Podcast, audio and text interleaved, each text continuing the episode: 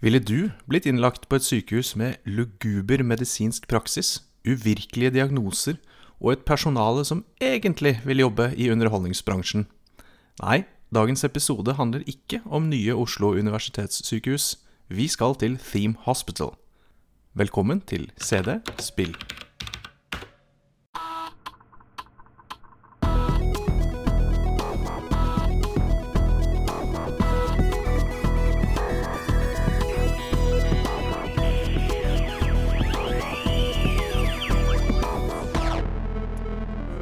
Velkommen til den 20. episoden av CD-spill. Et uh, bitte lite jubileum uh, i dag, altså. 20 episoder, det er jo helt vilt. Da er, vi, Det- er vi voksne da, eller er vi, er vi unge voksne? Hvor er vi egentlig? Vi har i hvert fall klart oss gjennom uh, to, to tiår, holdt jeg på å si. To, uh, to titall. Det har vi, det er helt utrolig. Ja, men det er gøy. Et lite jubileum. ja, litt litt. Vi skal straks sette oss inn i vår uh, DMC DeLorean med en helt reell uh, flux capacitor som skal ta oss tilbake til Black Back to the Past, som vanlig. Uh, ja, kan introdusere oss selv. Er, uh, I dag er jeg doktor, doktor Mamen. Ja. Og jeg er Sigve, eh, i dag doktor pro gamer eh, uten diplom. Yes, uten diplom. Eh, vi tar et kort stopp før vi aktiverer tidskretsene for, tidskretsene for å plukke opp en viktig gjest. Eh, Alexander Hagstad fra Radcrew, er du med oss? Det er jeg helt garantert. Jeg er beinklar og helt klar for å lage syk underholdning på vei inn i, i fortida. Fantastisk. Det er helt fantastisk. Jeg vil bare si på introen at eh, dere er jo nå, med 20 episoder, så er dere Har dere dobbelt så mange episoder som Radcrew har år. Så det må jo det, det, det må jo ha noe å si. En del. Del blir en del av feiringa, det, i kveld. Ja, ja, ja, herregud. Helt, eh, helt strålende. Ja, da kan vi late som vi har tatt igjen dere, da. Ja, ja, ja, og- og vel så det. Dobbelt så mange. Men uh, jeg er jo en, uh, en pro gamer uh, som er ubrukelig og ikke har peiling på egentlig så veldig mye. Uh, Alexander Hagstad, hvem, hvem er du egentlig? Du, jeg er broren til Jostein Hagestad, og jeg, sammen med Jostein så starta vi Radcrew tilbake i eh, 2011. Kan det stemme? Eh, det, det, vi har tenkt å sette på en sånn der eh, EST-punktum 2011 under logoen. Men eh, eh, vi har jo egentlig, eh, både meg og min bror, har jo vært eh, gamere siden vi kunne gå. eh, i, eh, I alle ymse slag. Alt ifra ja, alt fra konsoller til, til PC, men fra barndommen av, og der vi har liksom vår nostalgi, og det er jo mest fordi at vi har eh, Det var det som var tilgjengelig, egentlig. Eh, og så hadde vi eh, Har vi liksom vært gjennom hele rekka, da. 286 IBM, 386 IBM, Pentium eh, eh, Ja, 486, Pentium, Pentium 2 eh, Har vært liksom gjennom hele rekka opp igjennom eh, og, og fått med oss det meste. Er akkurat oss, ja. Um, Ja, det høres Ja. ut som du er aligned med, med denne podkasten, i hvert fall. Eh, det gleder hjertet mitt at eh, du i hvert fall er, kanskje er så høflig da, at du ikke nevner noen konsoller i den oppramsingen. Men kun, kun eh, en ren PC-linje fra 286 oppover. Godt skolert gjest. Det gikk jo veldig mye i uh, LucasArts-spill. Um, oh, oh, nice. det var liksom sånn perfekt eh, miks av hva du Altså, den de, Jeg føler LucasArts-spill de naila nøyaktig vanskelighetsgraden for en kid, da. Mm. Eh, men samtidig òg vanskelighetsgraden for, for litt eldre. Men de var liksom akkurat på nippet til at du følte deg frustrert, men at når du faktisk klarte noe, så var det helt insane.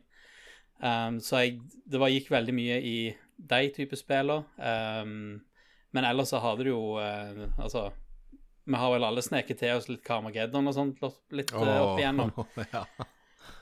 Nei, det, jeg spilte spilt Carmageddon. eh, Jeg måtte riktignok gjøre det i smug hos en kompis. eh, av Ok, akkurat Carmageddon, kanskje åpenbare grunner. Eh, for det var jo I hvert fall når du er liksom åtte, så, så tenker jeg det er eh, Jeg kan respektere at det settes noen grenser rundt akkurat det spillet. Men eh, ja, jeg har også vært med på spennet der mellom Mad Nei, Sam Max med trivelig slapstick eh, point and click til eh, ja, Carmageddon, som egentlig bare er eh, forståelig at det var litt debatt rundt, for å si det sånn.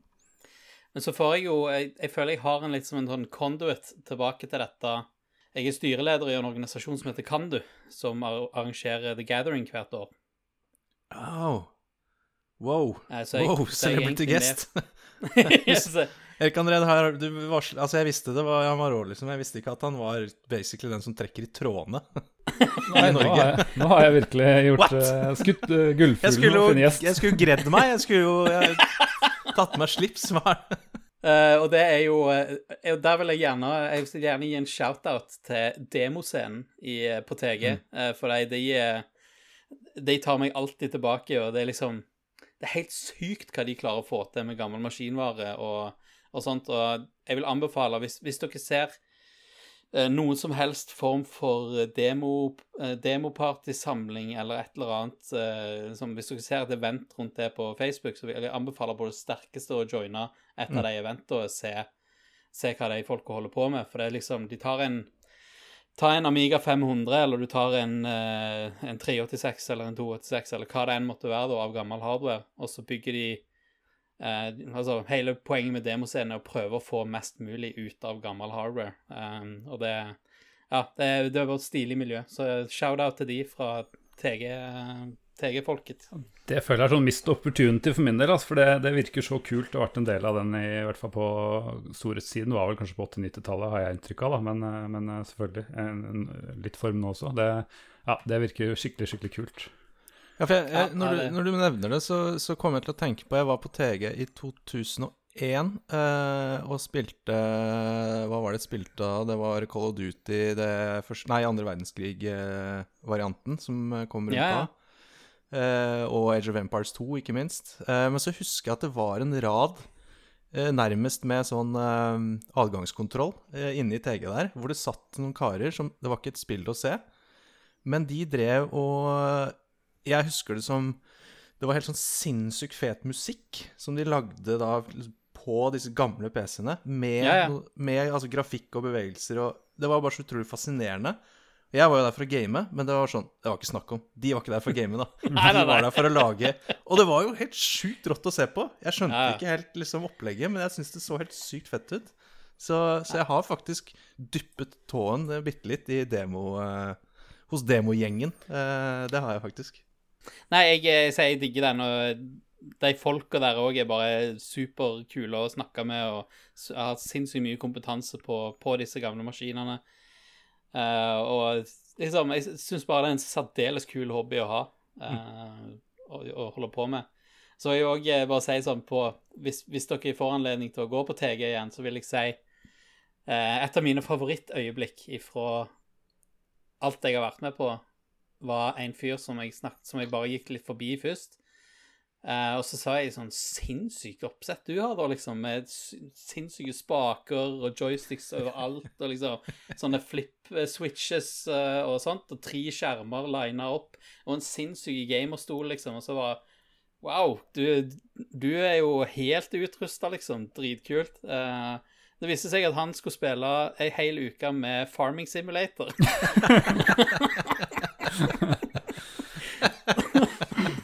Ok. Ja. Nei, altså, vi er gamere. Vi har respekt for smale interesser. Det ja, ja, ja. Eh, Det må jeg Det si. må vi- Da er stjerne i boka fra min, fra min Ja, side. det er imponerende uavhengig, holdt jeg på å si. Det, Jeg hørte at denne demoscenen Det var, det var jo sånn TG starta. Jo, da drev jo alle med det og lagde demoer og sånn. Men eh, det var en jeg kjenner som var i uh, Spaceballs, tror jeg det var. Som, eh, som fortalte det at de, altså, de første åra var, var det jo gamerne som var i mindretall. At det var bare noen få som satt på en, på en rad som begynte å spille, og alle andre jo drev med det her. Og så var det plutselig bare et år, på, sikkert på 19- og 90-tallet, hvor det var fra et år til et annet så var det bare helt motsatt. At da plutselig var det bare noen få som drev med sånn demoutvikling. Ja, ja.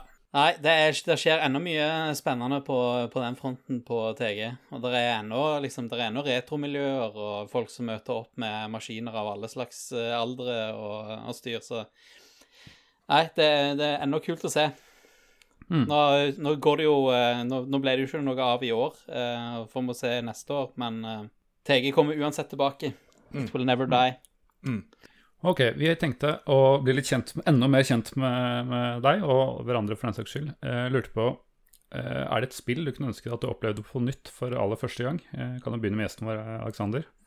Ja, du, eh, da vil jeg eh, si ett spill som har eh, Og jeg tror Jos- Jostein har vært med her, har han ikke det? Jo, stemmer. Eh, og hvis han fikk samme spørsmålet, så vet jeg ikke helt hva han svarte, men jeg ville blitt overraska hvis han ikke svarte Morrowind eller noe sånt.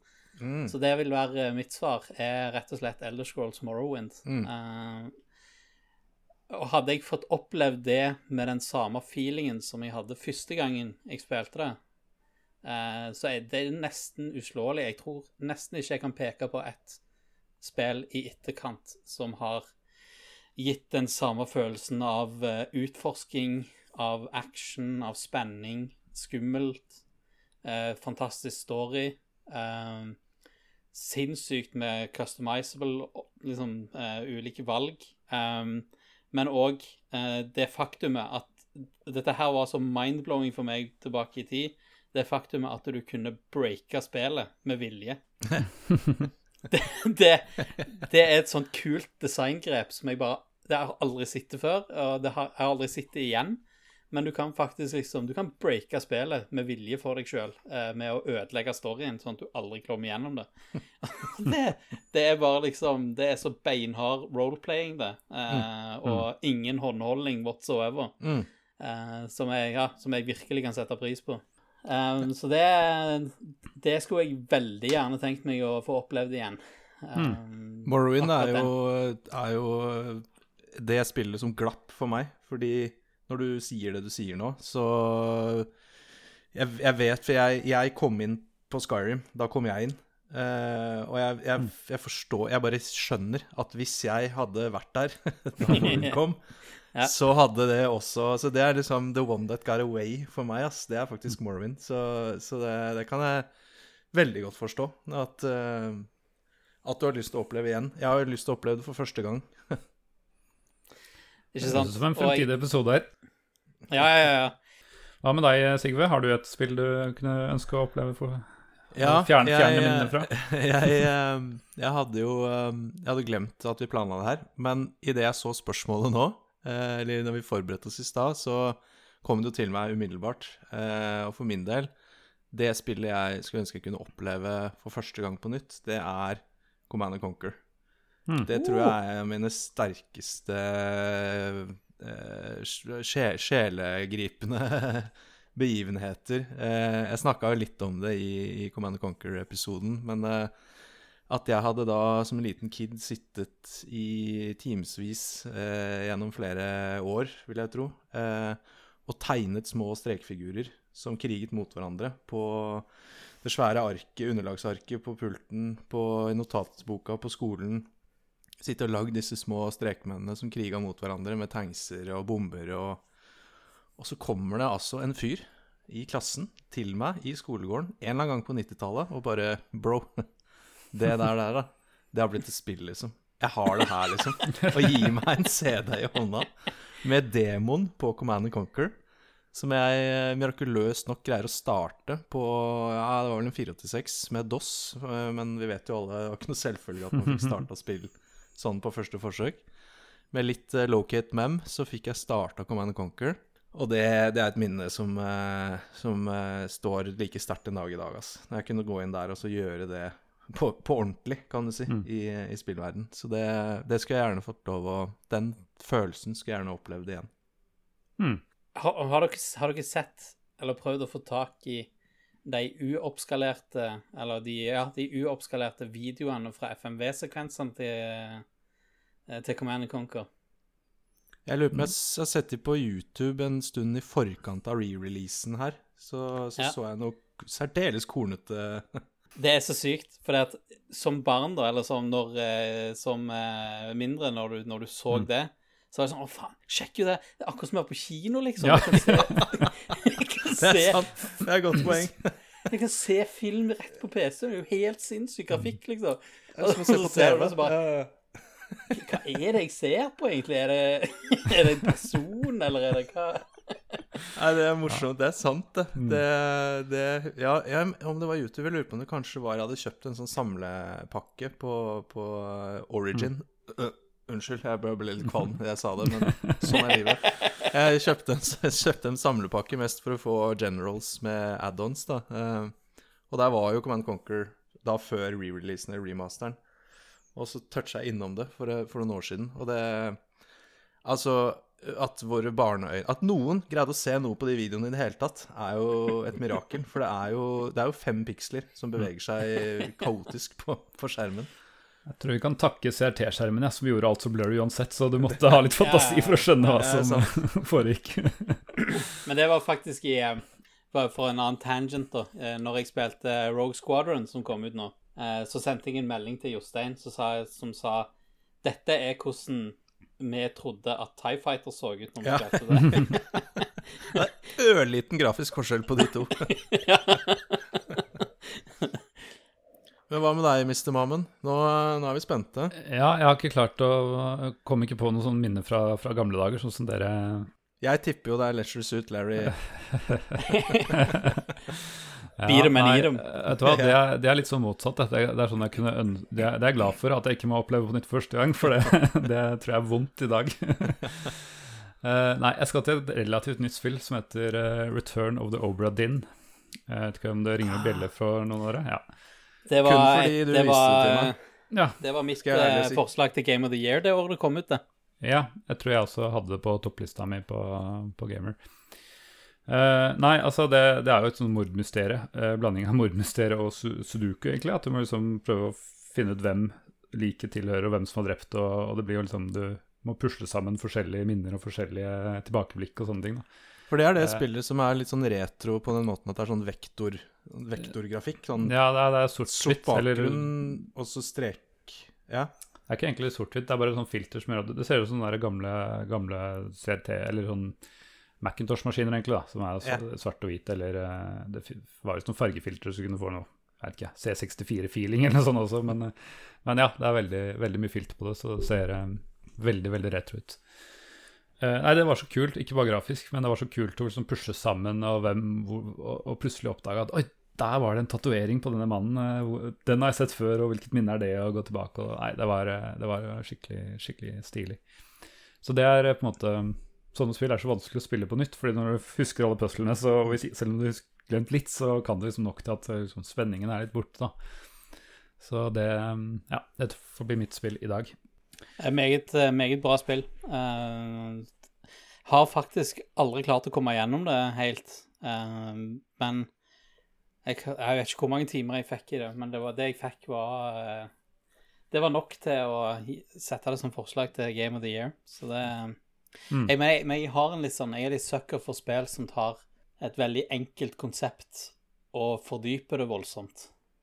Sånn at du umiddelbart, når du de første puzzlene du løser i Oberdin, det, du, du ser umiddelbart hvor, du, hvor det er på vei henne, men så blir liksom både gameplayet og det du må løse, blir dypere og dypere og dypere, og dypere, og så til slutt så innser du egentlig at det er ikke så enkelt allikevel, eller, eller konseptet er ikke så enkelt allikevel. Er litt sånn eh, Eh, lett å lære, vanskelig å mestre. Ja, ja. Mm. Litt, eh, litt Otello-stemning eh, på, uh, på det. Og det er det samme. Jeg hadde òg en sånn Game of the Year-forslag på um, Superhot, hvis hvis ikke kjenner til det. Det er et spill der du blir skutt mot, og, og eh, det kommer fiender mot deg. Og alle bevegelser du gjør, gjør at deres tid går framover. Eh, sånn at du, hvis du beveger deg til sida, så, så ser du kuler komme mot deg. Men hvis du står helt stille, så står kulene stille. Ah, Eh, Så du må time dine bevegelser i forhold til hvordan du skal ta alle disse, da. Ehm, og igjen, tilsynelatende et enkelt konsept, men når du kommer inn i det, så er det liksom full on strategi eh, der du virkelig må planlegge hver enkelt bevegelse du gjør eh, for å komme deg gjennom. Eh, så kan jeg òg, ikke for å rante videre om det, da, men eh, Doom Eternal òg er òg helt, helt magisk på det der greiene der. Eh, Tilsynelatende superenkelt spill. Det er plaffing med ei hagle, liksom. Du får ei hagle umiddelbart i spillet. Mens når du kommer inn i det, så er det en dans der du må planlegge hver enkelt bevegelse, og du må, du må planlegge nøyaktig hva for noen fiender du skal ta først, og hvor du skal bevege deg, og ja. Så jeg, jeg er en supersucker for akkurat sånne spill som det, da. Ja, for jeg trodde, jeg trodde jeg skulle bare kose meg med litt FPS og spille Doom Eternal eh, med fet grafikk og fet musikk og Men der ble jeg ganske raskt eh, satt på plass, selv på en rimelig sånn ja. snill, snill vanskelighetsgrad. For det, Ja. Det var eh, Det er rart det er fascinerende hvor lite ammo som er tilgjengelig der. Eh, Ja. For meg, da, tydeligvis, som gjør det feil. For jeg har skjønt at eh, du Ja, som du sier, du må gjøre dansen riktig. Og da har du jo den ammoen du trenger. Eh, nei, så det Den Dummer Turnal-smellen, den, den gikk jeg på. Det, Ja. det skal jeg være helt Det ærlig ikke en, det er ikke en run and gun-greie. I hvert fall ikke hvis du spiller på Nightmare og, og Ultra Nightmare, så er det Det er brutalt hvor eh, mye de punisher deg for å gjøre én liten feil. Men mens, jeg, mens igjen, det, det er en annen ting som jeg liker veldig godt i spilldesign, er uh, når de alltid det, du, du går alltid ut med en følelse at det er din feil, da. Mm. Det, er ikke noe med spillet som, som, har, som har gjort det sånn at jeg Sånn at jeg taper. Det er ikke noe buggy som har skjedd. eller det er ikke... Nei, det er godt, føler... eh, godt spilldesign, for du, du kan ikke bli sint på vanskelighetsgraden. Du skjønner Nei. at du er for dårlig. ja, Du må bare get good. ja, rett og slett. Men nå er vi litt langt uh, fram Ja. på 2020-tallet nesten her, eh, Erik André. Ja. Eh, hvor, hvor er det vi skal i dag, egentlig?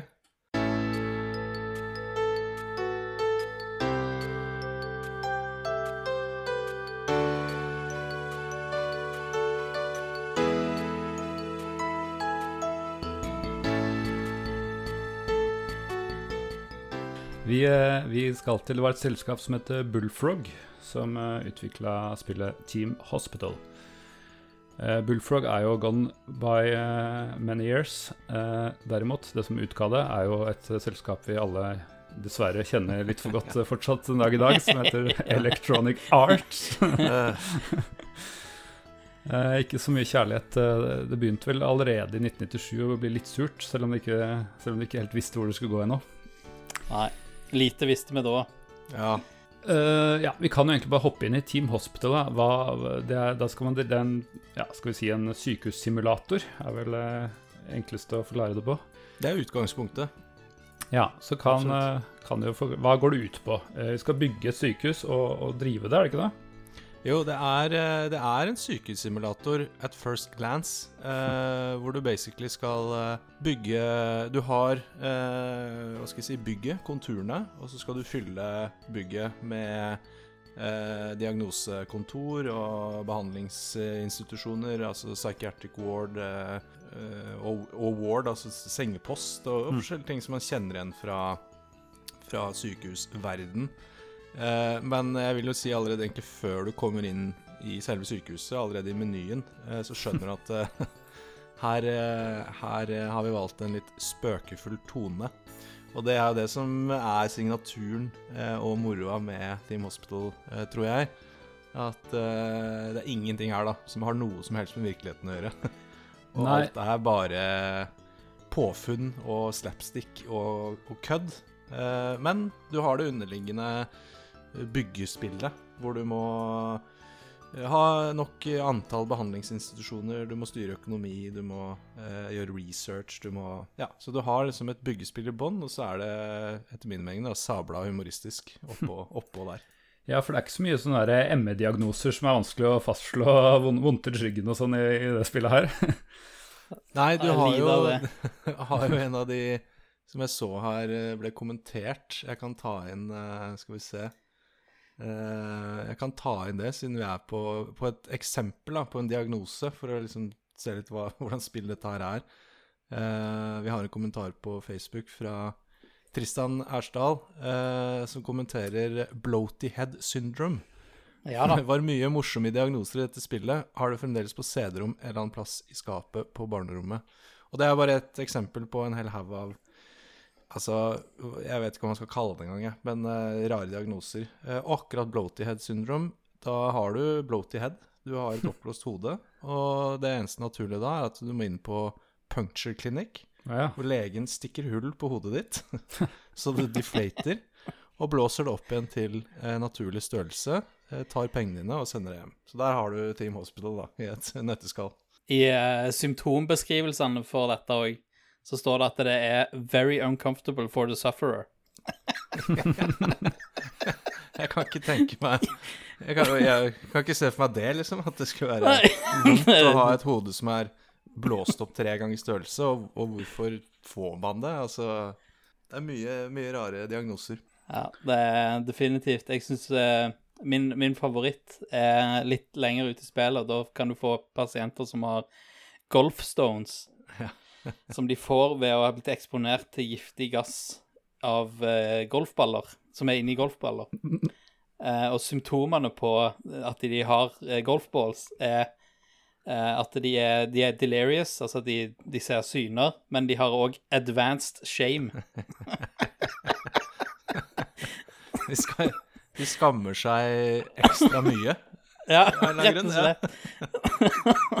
Men det er jo det kan, Man skal jo liksom lure er, er, Det er jo åpenbart at det er noe sånn eh, Noe sånn håper å si systemkritikk eller sånn eh, For det er jo Man kan jo framføre argumentet av at golf er en sport for folk som burde skamme seg mer, eh, for å si det sånn.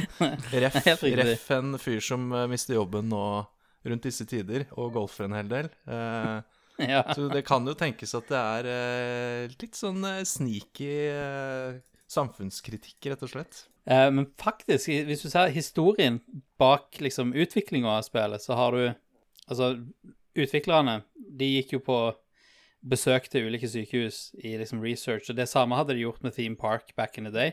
Da lurer jeg på hvordan sykehus de var på. ja. Eh, men så fant de ut at eh, OK, de, de hadde egentlig tenkt å bevege seg fra et urealistisk liksom, scenario som Theme Park, eh, som jo egentlig er mer realistisk, men liksom Ja, det, det er fremdeles et sånt lag av craziness over det. Eh, så, men hadde de tenkt å lage et mer realistisk Sim-konsept? Uh, men så fant de ut at uh, det er jo ingen som liker å gå på sykehuset. Uh, det er ingen som, liker å, ingen som liker å gjøre noe med et sykehus. Nei, nei, nei. Så derfor fant de ut at de måtte gjøre det litt mer humoristisk og litt mer eh, eh, liksom ultrareelt. De hadde òg en tanke, for det Bullfrog er England-baserte. Mm. Og i England så har du NHS, som er liksom Du, du, du fucker ikke med NHS, på en måte. Nei. Eh, det er superpopulært blant befolk befolkningen og sånt. Så de tenkte at hvis de hadde gjort noe liksom humoristisk rundt dette, eh, så eh, vil de få folkets ire etter seg og bli laga masse kontroverser rundt det. Eh, så derfor prøvde de å gjøre det så urealistisk som overhodet mulig, sånn at de ikke kom tilbake til Ja, eh, å bli tatt for kontroverser. Så de, eh, men vi kan ta det seinere, da. Men de, når spillet ble lansert, så ble det en del opplegg rundt Team Hospital, på, blant annet i media. Og det er jo litt sånn som oss gamere kjenner til, at uh, ting blir dratt fullstendig ut av kontekst og ja, spunnet videre på. Men det er i hvert fall litt sånn bakhistorie til hvorfor ting er såpass eh, weird og såpass eh, humoristisk lagt til, da. Ja, for de starter jo slapsticken umiddelbart, og det er en av de tingene jeg husker Ja. best fra spillet, var jo eh, rett og slett når du kommer inn i menyen med denne Ja, altså Einstein, da, basically. Ja. En, en slags gal doktor med bustete hår og øyne som går litt sånn høyre-venstre. Eh, som kremter og har en lapp på ryggen hvor det står 'Kick me'. Eh, Ja, ja, nydelig. og, og trekker, ned, trekker ned denne skjermen da, for å vise deg menyvalgene. Og idet du da velger new game, så trekker han opp skjermen, som da smeller opp og selvfølgelig faller ned. Og så står han og ser litt forvirra på deg, og så er det min favoritt-slapsticker her, Så kommer det av en eller annen grunn en slags hyrdestav inn fra høyre side. Som tar tak rundt halsen hans og napper han ut av skjermen med et sånn lite og det var sånn Du har ikke begynt å spille spillet engang, og du skjønner liksom hvor landet ligger, da. Så uh, Nei, den slapsticken, uh, jeg syns den er uh, Den er spot on, altså, i, i det spillet. Apropos um, Bullfrog, dere vet det er Peter Molyneux, sant? Ja, det er jo, han er jo den kjente, kjente designeren fra, fra Bullfrog. Men han var ikke så involvert i det her. Det var Nei, han var ikke ikke det. Ja. Bare, han, er fra, han er jo fra Milo-fame eh, i, i senere år med den Xbox Kinect-presentasjonen som var en disaster. Men det var, det var nok av en avsporing. Eh, Peter Molny hører du ikke så mye av eh, nå om dagen. Nei, han har jo designa en del, eh, del eh, ikoniske spill. Her var jo Populous eh, som var det første gjennombruddet til eh, Bullfrog. Og, og etter ja, Magic Carpet og flere, flere fra Bullfrog, og Team Park for øvrig. Og så starta han med det der Lionhead Studios, som hadde en del eh, hits. Eh, Fable. Hva sa du? Var det ikke et spill som heter Nei, det var Black and White det heter. Ja, Black and White er veldig kjent. Jeg har ikke spilt det sjøl, men eh, det har jeg hørt å være legendarisk. Og Fable. Og min favoritt av dem var eh, The Movies. Det har jeg og Sigurd Jeg- spilt en god del. Jeg skulle akkurat til å si det når du sa Linehead. Jeg er ikke så kjent med alt som dere to, men uh, idet du sa Linehead, så så jeg for meg Linehead-logoen og det kuleste spillet fra Jeg vet ikke da det ble sluppet, som den dag i dag faktisk er dritfett, og det er Mm. The Movies. Det er jo litt samme greie gata, altså simulator og bygge bygninger og styre personer og sånn. Um, Men én en ting som altså Uh, som du, Kan vi snakke litt om eh, Nå, nå bare gønner jeg på, jeg. Nå bare raser jeg av gårde. Jeg, nå Kjempekjekt med gjester som kan gjøre at vi kan slappe av litt. Bare kjør på. Nå har, jeg, nå har dere putta penger på meg, liksom. Så nå er, Gå og legg meg, og så snakkes vi i morgen. men, uh, eh, men eh, gameplayet i uh, Team Hospital er, er verdt å snakke om uh, en del. For Enig. som jeg var litt inne på litt tidligere, så er jeg en sucker for spill som alltid får det til å virke som det er de feil. Og jeg tror aldri i mine utallige 100 timer inne i Team Hospital at jeg noen gang har opplevd meg urettferdig behandla på noe som helst vis. Jeg klarer alltid å spore tilbake hvor jeg feila, til en eller annen beslutning som jeg gjorde tidlig i spillet på et eller annet vis. Eller tidlig på det brettet. Så du har alltid en liksom sånn ah, 'Jeg burde gjort det annerledes, for da hadde jeg klart det.' Eller ah, 'Jeg burde gjort det på denne måten her, for da hadde det blitt lettere å stille diagnose tidligere.' Eller 'Å, jeg burde, jeg burde fokusert mer på research' og sånn. Du har alltid en sånn tanke over 'OK, her er det et eller annet som, eh, som gjorde at jeg feila'. Og det, det, det er ganske sykt at de Altså, det er jo ikke snakk om at de har disse her eh, utvikle spillmotorene som er i dag, og de allerede etablerte teknikkene som er i dag. Det er ganske mye tankekraft som skal til for å gjøre et spill som Team Park eller Team Hospital fungerende på den måten. Så jeg bare Ja, jeg, jeg blir alltid imponert når du har spill med så mye dybde som allikevel klarer å opprettholde den eh, Ja, den følelsen, da. Ja, for det slo meg Det slo meg, for jeg fant fram her på, på GOG i forkant av episoden og, og spilte det litt eh, opp igjen, rett og slett. Eh, og det slo meg at eh, gameplayet er Det er helt sånn fascinerende intuitivt og, og fluid. Eh, selvfølgelig noen sånne små kinks. Du kan ikke zoome inn og ut, og eh, du kan ikke vast eh, scrolle og sånne ting. Men, men liksom se bort fra sånne ting som har dukket opp da, de senere år. Eh, så utrolig intuitivt. Eh, click and drag eh, for å få ut eh, rom og sånne ting. Eh, og at du skal rotere møbler for å plassere de. Ja, det er høyre mustast, selvfølgelig. Ja. Altså, jeg hadde ikke sett det i noe tutorial, men det bare Ja, selvfølgelig var det det. Mm. Og, og underveis når du bygger rommet, så er det bare å klikke på kassaapparatet. Så kan du kjøpe flere ting til å putte inn i rommet. Eh, og, og, og jeg, morsomt at du sier det med, med at eh, du, det er opp til deg å ikke spille. Mm. For du eh, Hvis du planlegger dårlig, hvis du ikke har en plan, så går det helt fint, det. De første, den første halvtimen.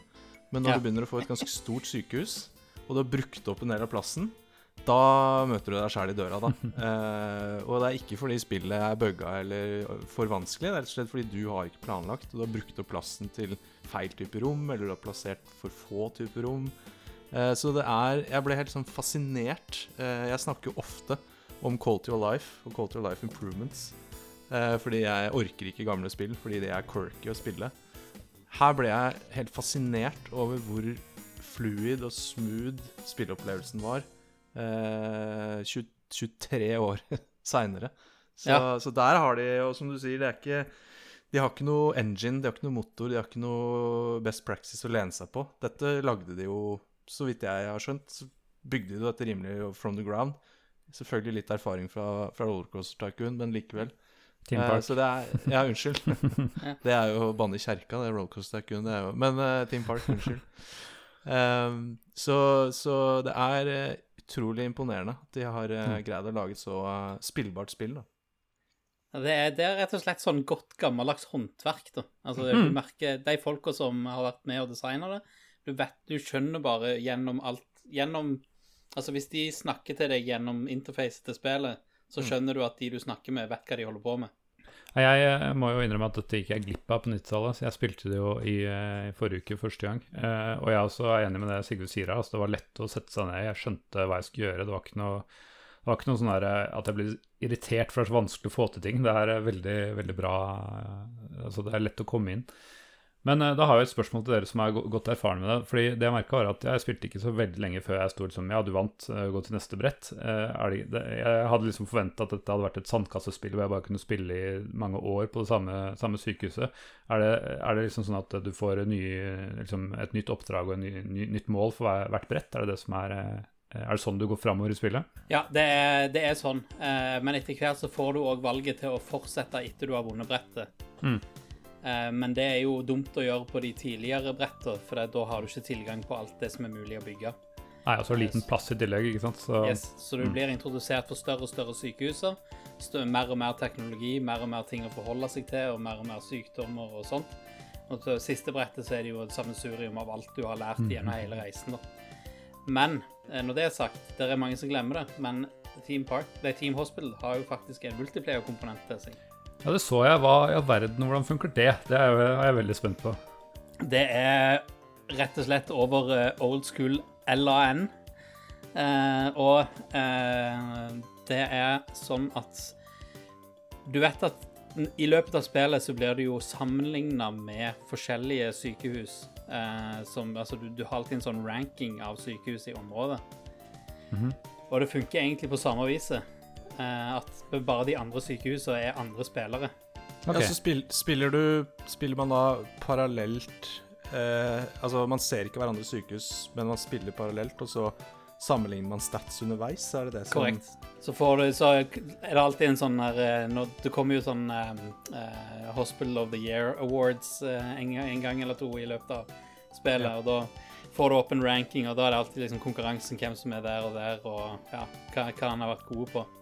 Eh, så har du selvfølgelig alltid han ene løken som eh, dreper alle pasientene sine og, og sånt. Men, så, men, det, men, der, men der blir det mer liksom sandkassemodus, da. For der får Ja. du tilgang på alt umiddelbart, og alle starter på lik grunn, liksom.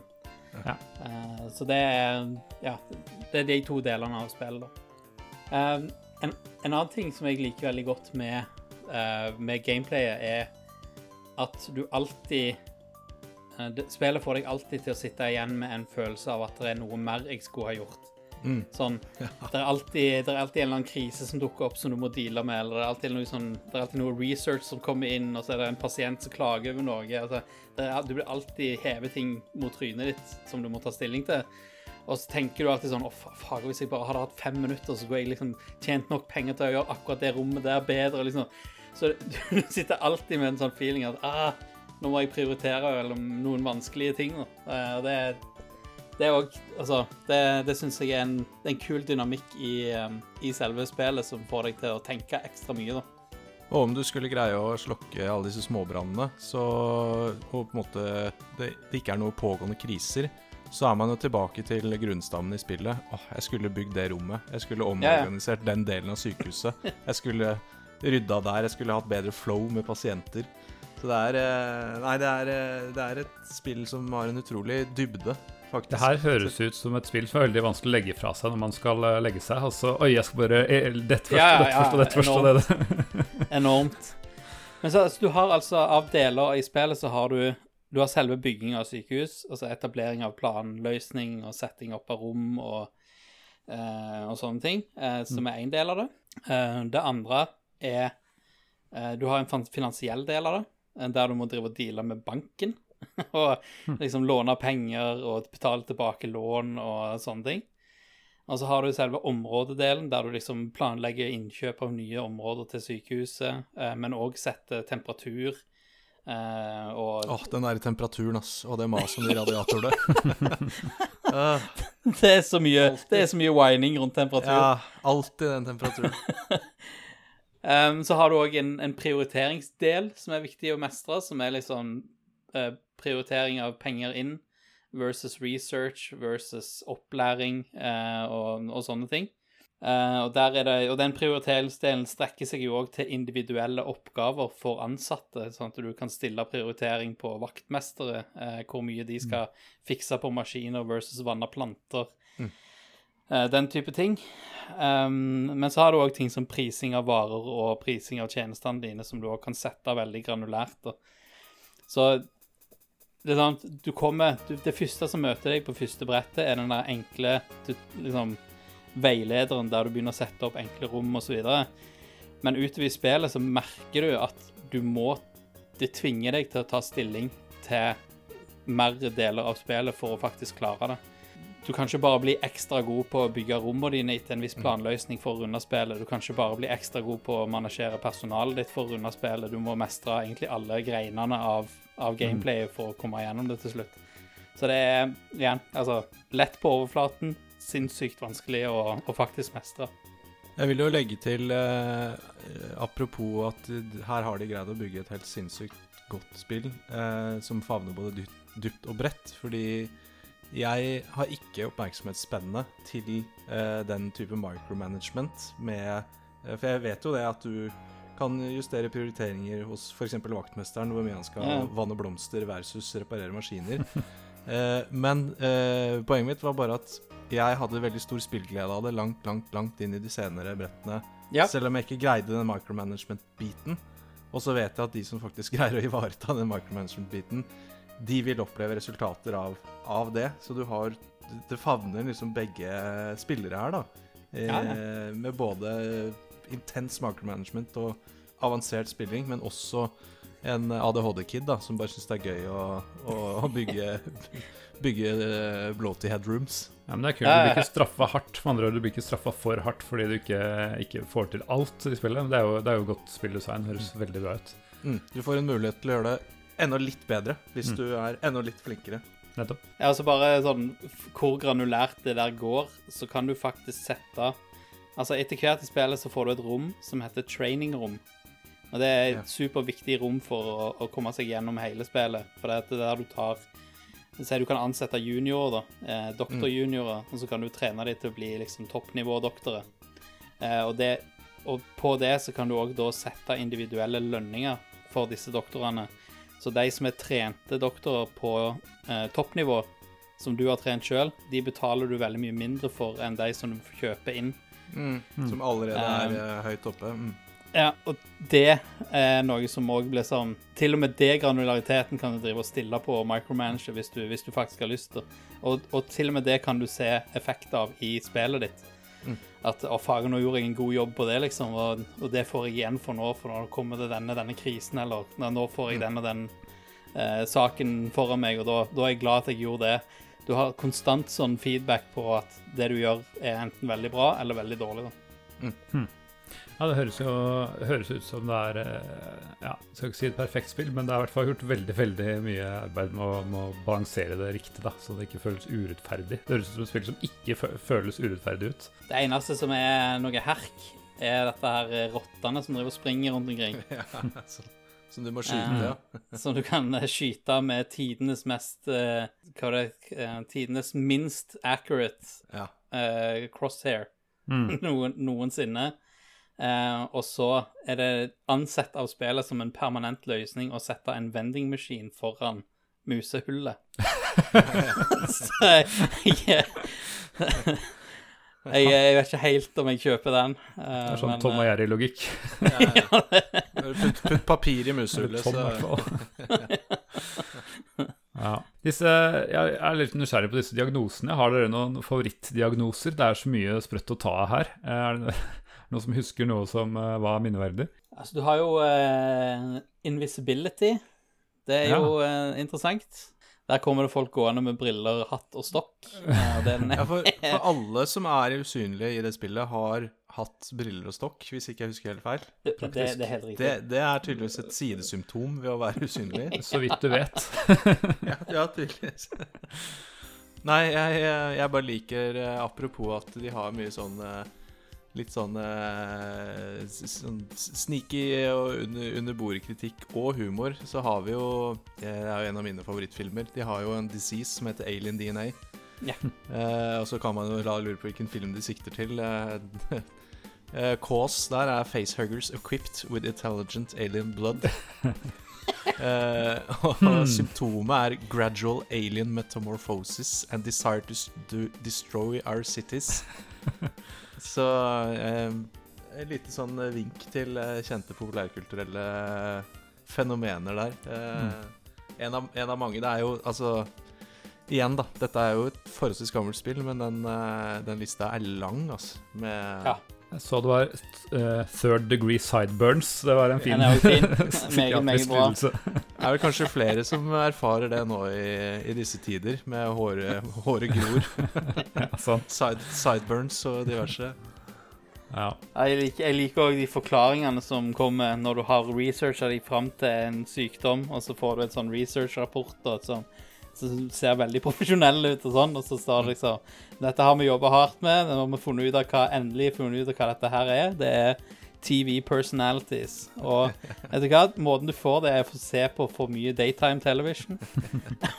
og eh, et kjedelig kjent symptom av det er at du har fått en vrangforestilling om at du kan presentere et matlagingsprogram på TV. det er bare så Det er litt for nært det vi opplever i YouTube, anyone? Ja. Eller kanalen 5, anyone?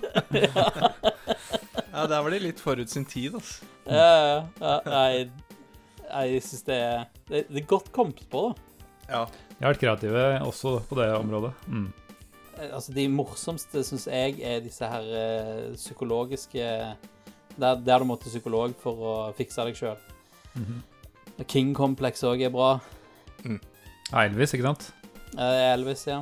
Mm. Uh, og så Fake Blood syns jeg òg er en artig en. Eh, det er rett og slett fake blood. OK. At du, du, du, du går rundt med fake blood. ok. Eh, Du må ha dial Som- liten dialyse, om andre ord. eh, ja. Nei, det holder visst med en psychiatric calming is the only way to deal with this problem. OK. Du må, rett og slett, du må rett og slett bare roes litt ned. Akkurat det.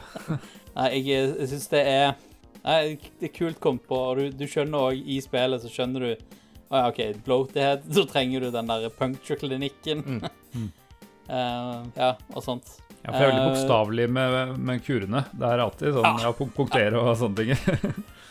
Av og til så får du sånn der eh, Du ser en fyr, da, så får du en sånn research, en sånn notification opp, og så må du trykke på den. Så står det liksom OK, du ser fyren. Så er åpenbar bloatyhead, liksom. Så står det Vi er 56% sikre på at dette er bloatyhead. Har du, har, du, har du lyst til å ta sjansen? Ja, ja jeg tror det. Vi sender han til klinikken. Jeg tenkte vi kunne hoppe litt videre til eh, Det er jo en del musikk her også. Er det noen som har noen spesielle minner? Er det minneverdig musikk egentlig i spillet? Det er en, et helt vanvittig bra soundtrack, men det er jo egentlig ehm, eh, um, bare, bare, når jeg husker bare, bare, når jeg tenker på det nå, så hører jeg den der eh,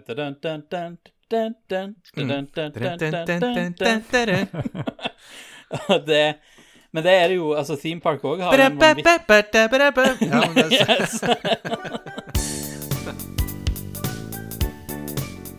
Fakt, altså en faktor for å lykkes med Sim- eller RTS-spill er musikken. Du har det i Command Conquer og Red Oh, Alert. yeah. Magisk musikk. Mm. Men òg, altså, tenk deg hvor viktig det er, da. Du skal sitte foran skjermen og deale med disse tingene her, og det, Mm. det som skjer på skjermen, er at du driver og bygger og, og holder på med ting. Du kan ha musikk som er Altså, du må gå en veldig fin linje, da. Du må ha en Musikken kan ikke være for inngripende, for da Mm. forstyrrer du for det som du faktisk skal konsentrere deg om. Men i tillegg så må det være minneverdig nok da, til at du etter du, Kanskje etter du har lukka spillet, så går du rundt og synger på en eller annen sang, og så tenker du ah, hva for en sang er dette her, egentlig? Og så, ah, faen, det er Team Hospital, det. Mm. Um, så jeg, jeg syns um, Nå husker jeg faktisk ikke hvem som har lagd det, um, men det var sikkert Nei, det husker jeg faktisk ikke. Men um, altså, det må jo ha vært samme teamet som står bak det og Team Park. Uh, for det, begge de to har naila den, ja, den balansegangen, da. Står at den heter Russell Shaw. Jeg vet ikke Ja. om det ringer noen bjeller. Ikke for min del, i hvert fall. Nei, ikke sånn umiddelbart. Nei. Det, dette, dette er sånn Jostein-mat. Hvis eh, Jostein Ja. hadde sittet i stolen nå, Så hadde han ikke bare fortalt deg hvem det er, men han fortalte deg alle spill de har jobba på. Alle Hvilken programvare han lagde musikken i, og Ja, ja, ja. ja, spaker Hvem og de kjenner, hvem de henger med, hvor de bor. Hvor de, er, hvor de er nå. Så nå, Det- det ikke bare sånn i 2020, men nå. Ja, ja, nå, nå, altså på dette tidspunktet, liksom. Jeg, eh, jeg, eh, jeg liker jo den balansen selv, og så syns jeg også eh, en annen ting som er med på å balansere musikken, er jo at den underbygger jo spillet. At den, den bidrar til den litt sånn lettbente, humoristiske Ja. eh, stemningen som er i spillet. Eh, så det er, det er ikke en generisk, sånn kjedelig eh, datalåt som bare går og går. Det er liksom Det er jo, det er jo mange låter, og, og de matcher hele tiden eh, den slapstick, eh, morsomme stemningen, da. Så ja, igjen, der har de truffet da på, på nok et aspekt ved, ved spillet. Jeg sjekka bare fort opp her at Russell Shaw hadde lagd for det meste annet med, som P Peter Molyneux har vært borti. Altså fra Syndicate til Magic Carpet og, og til og med til Fable og, og, og Two Point Hospital, så uh, han har fulgt, der. eh, fulgt, uh, fulgt med. Og The Movies, Stunts and Effects til og med. Ja, Skal bare, jeg kan jo dele uh, Det er en måte å game dette spillet på. Eh, Og det er ikke gjennom cheat codes, som sikkert alle har vært borti på et eller annet tidspunkt, uh, når du slår inn noen nummer på en faks. Uh, men det er, det er et spesifikt sett av ting du kan gjøre i spillet for å sørge for at du nærmest alltid vinner. Eh, og det er gjennomgående for alle brett. Og det er, det er en oppskrift på ca. fire steg. Det kan av og til være fem, men det ene er at du må bygge minst to GPs office. Minst to, ofte tre. Du må alltid ha to pharmacies, for det er de som er liksom Det er quick money. Eh, raske penger inn i banken. Du må alltid låne maks umiddelbart i, når spillet starter. Du må bare makse ut alt du har av lån hos banken. Og så må du ekspandere fort, sånn at du kan kurere mest mulig når sykehuset åpner. Så du må ha mest mulig på plass når sykehuset åpner. Eh, og du må senke gamespeeden i forkant av åpninga av sykehuset, sånn at du får tid til å bygge ut alt. Er det Det- her cheese? Er det cheating, eller er det cheesing? Jeg er ikke helt. Det er, det er i hvert fall er de det strategi? Det er The Guide. Se, det spillguiden. Det er i hvert fall de fem stegene der. De, de tar deg nesten gjennom alt. For det er hvis du Altså, det Peace Office, det er jo diagnosesenteret ditt, så hvis du ikke har nok kapasitet der, Mm. Så vil du ha køer. Og så vil det bare den køen Den vil bare gå videre og videre innover i sykehuset ditt hvis du behandler det feil, da. Mm. Uh, pharmacy, det er en sånn De fleste eh, Det er veldig mange ting som kan kureres med pharmacy. Så hvis du da har GPs office, de får en diagnose, så går de rett til pharmacy for å bli kurert. Uh, hvis du nailer den chainen, så har du alltid en, en, en pengestrøm inn eh, som, som er konstant hele tida. Uh, og hvis du ikke ekspanderer sykehuset ditt fort nok, uh, ikke, i liksom god norsk ånd med å bygge stein på stein og alt det der, men du må liksom gønne på det og liksom fyre opp eh, sykehuset ditt Kline maks. til. Ja, kline til. Make or break. Det er liksom Ja, ja. det som skal til, da. Um, altså hvis, du, hvis du nailer de konseptene av spillet, så er det ganske mye som skal gå galt da, før du, um, eh, før du ryker på. Eh, så kan jeg også nevne at det er en supersmart triks å bygge benker ende til ende. Altså at du, du setter benkene inntil hverandre med, i midten av Ja. sykehuset. Rygg mot rygg, ja. I, Rygg mot rygg, ja. Det var det jeg var på jakt I korridoren, ja. Riktig. Ja. Da, Litt da er du på god vei. strategitips der. Helt fantastisk. Nå tenker jeg at nå er det ingen unnskyldning til ikke, ikke spille det i dag. Vi kan jo straks gå inn på om det har, har det holdt seg, men skal vi først se om vi har fått noen tilbakemeldinger, Sigve? Eh, Vi har fått uh, litt tilbakemeldinger. Mm. Uh, skal vi se. Etter hvert godt kjente Torbjørn eh, Prøys Skau uh, kommenterer Dette var dessverre en av simmene jeg ikke fikk spilt. Mm. Eh, da har du gått glipp av noe, Torbjørn. jeg òg, åpenbart. så er det samme Eh, båt der. så dere er i samme båt. Eh, spilte Theme Park og Dino Park Tycoon. Ja, det ble nysgjerrig. Skal jeg sjekke ut etterpå. Og selvsagt SimCity 2000, men aldri dette. Hmm. Kom trolig for seint, eh, 1997, for min del. Spent på å høre. Hyggelig innspill, Torbjørn. Da veit du i hvert fall hvilket spill du skal kjøpe på GOG Og hvordan, hvordan du mestrer det, Og ikke fått, minst hvordan du skal cheese det. Takk til, takk til Alexander for Kurt. cheesetips. courtesy of Um, og jeg nevnte jo Tristan Ersdal tidligere i episoden. Uh, men han sier jo da Han husker bloaty head syndrome. Uh, og han syns det var mye morsomme diagnoser i dette spillet. Han har det fremdeles på CD-rom en eller annen plass i skapet på barnerommet. Jeg lurer jo på hvor mye den CD-en er verdt nå. Eh, for det er jo, dette er jo vintage. Jeg ser vi har en her eh, fra Torbjørn Preus Skau igjen. Dette er jo tilsvar til Moonstone-kommentaren fra forrige episode. Ja, for det er jo et spill vi har eh, konstatert Ja. at vi ikke kjenner til. Har du, har du kjennskap til det, Alexander Moon, Moonstone, er det kjent ikke- for deg? Nei, vet du hva, jeg måtte google det eh, når jeg hørte om det først. Um, og da fant jeg en eh, YouTube-video som gikk til et spill som så helt amazing ut. Så, men, men jeg har ikke Jeg har aldri vært borti eller spilt eller kjennskap overhodet, så det er ganske Det er helt svart hull. Ja, for det helt amazing er jo uh, tydeligvis uh, Hvis man hadde spilt det, så Det er i hvert fall det Torbjørn Preus Skau erfarer. Han sier uh, her i CD-spill ha-ha, beklager at det er dobbeltpostet. Men jeg er sikker på at flere av lytterne må ha spilt spillet om de er født før 1984 ca. Bare se på dette screenshotet, og tenk hvordan en fantasyrettet tolvåring følte seg da han eller hun, stort sett han, som han sier, fikk spille noe slikt, og så legger han med en gif fra spillet som faktisk ser ganske sweet ut. Så Jeg støtter Stikk. påstanden hans om at det var rimelig heftig eh, for en liten pjokk, altså. Det, det må jeg innrømme, selv om jeg ja, dessverre har gått glipp av det. innom, uh, stikk innom Facebook-siden vår og titt på den giffen, og, og sjekk ut uh, Moonstone på, på YouTube, på noen Let's Mm. Plays. Og så er ikke Det nevnte vi jo forrige episode, tror jeg, at vi skal ikke gjøre det så vanskelig, vi, altså, hvis det er spill verken du eller jeg har spilt. Vi skal alltids eh, skal kunne, vi skal alltids finne en som har spilt det, og Mm. så kanskje vi prøver det litt selv også.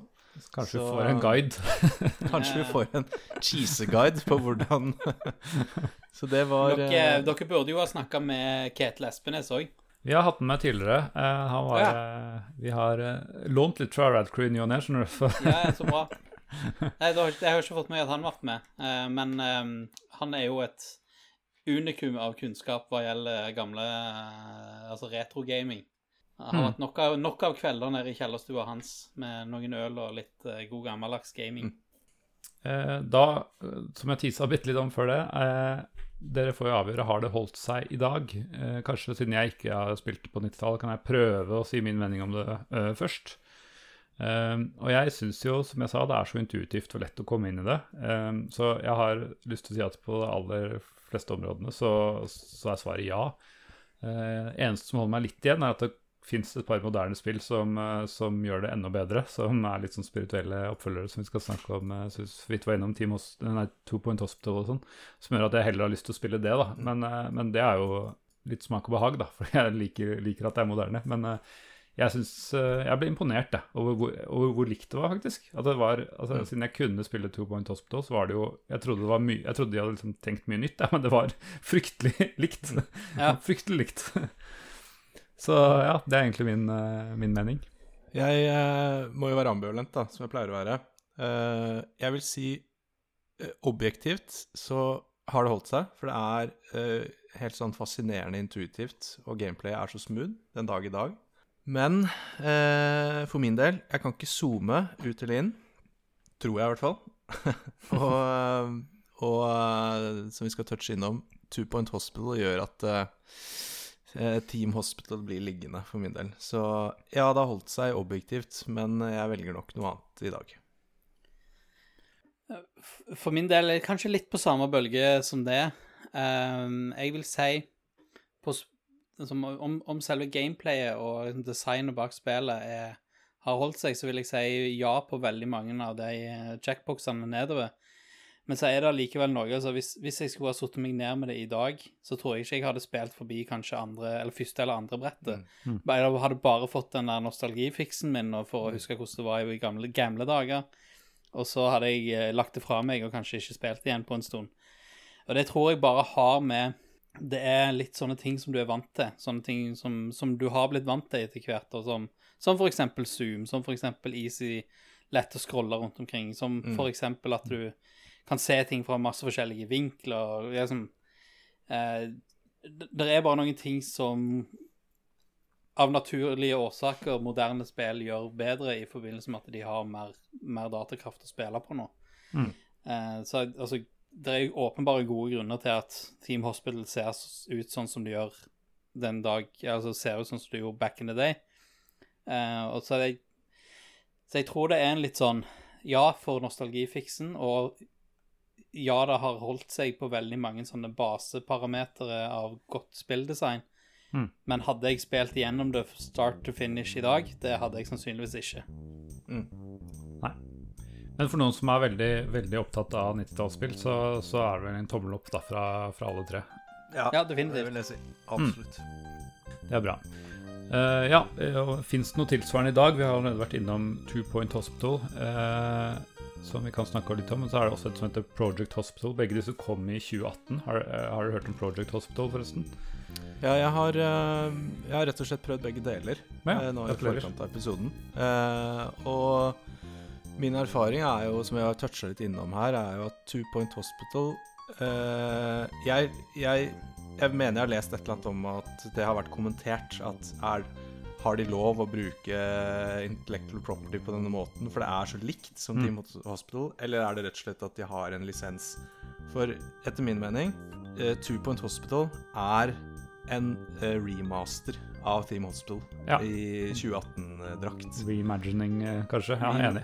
Ja, og jeg vil nesten si at mest en remaster, for det er så likt. Mm. eh, med interface, med wacky sykdommer, med resepsjonist som kommenterer nedlatende underveis til sykehuset. Og Eh, rotter! Og Fæle fuckings rotter. Eh, du kan riktignok ikke sette Eller det er jo faktisk sånn at hvis du flytter drikkemaskinen, så kommer alle rottene frem. men, men du kan forske fram en slags automat eller noe sånt som du kan sette i korridorene, som skal løse problemet, da. Eh, og jeg, altså jeg syns, det, er, det er identisk, men da moderne versjon. Mm. Men faktisk, det jeg savner bitte litt, det er eh, den humoren Altså, de, de er på merket på humoren fra Team Hospital, Mm. men de drar den ikke like langt. Jeg syns ikke det er like liksom, slapstick og like Altså ref han professoren Ja. i menyen i Team Hospital.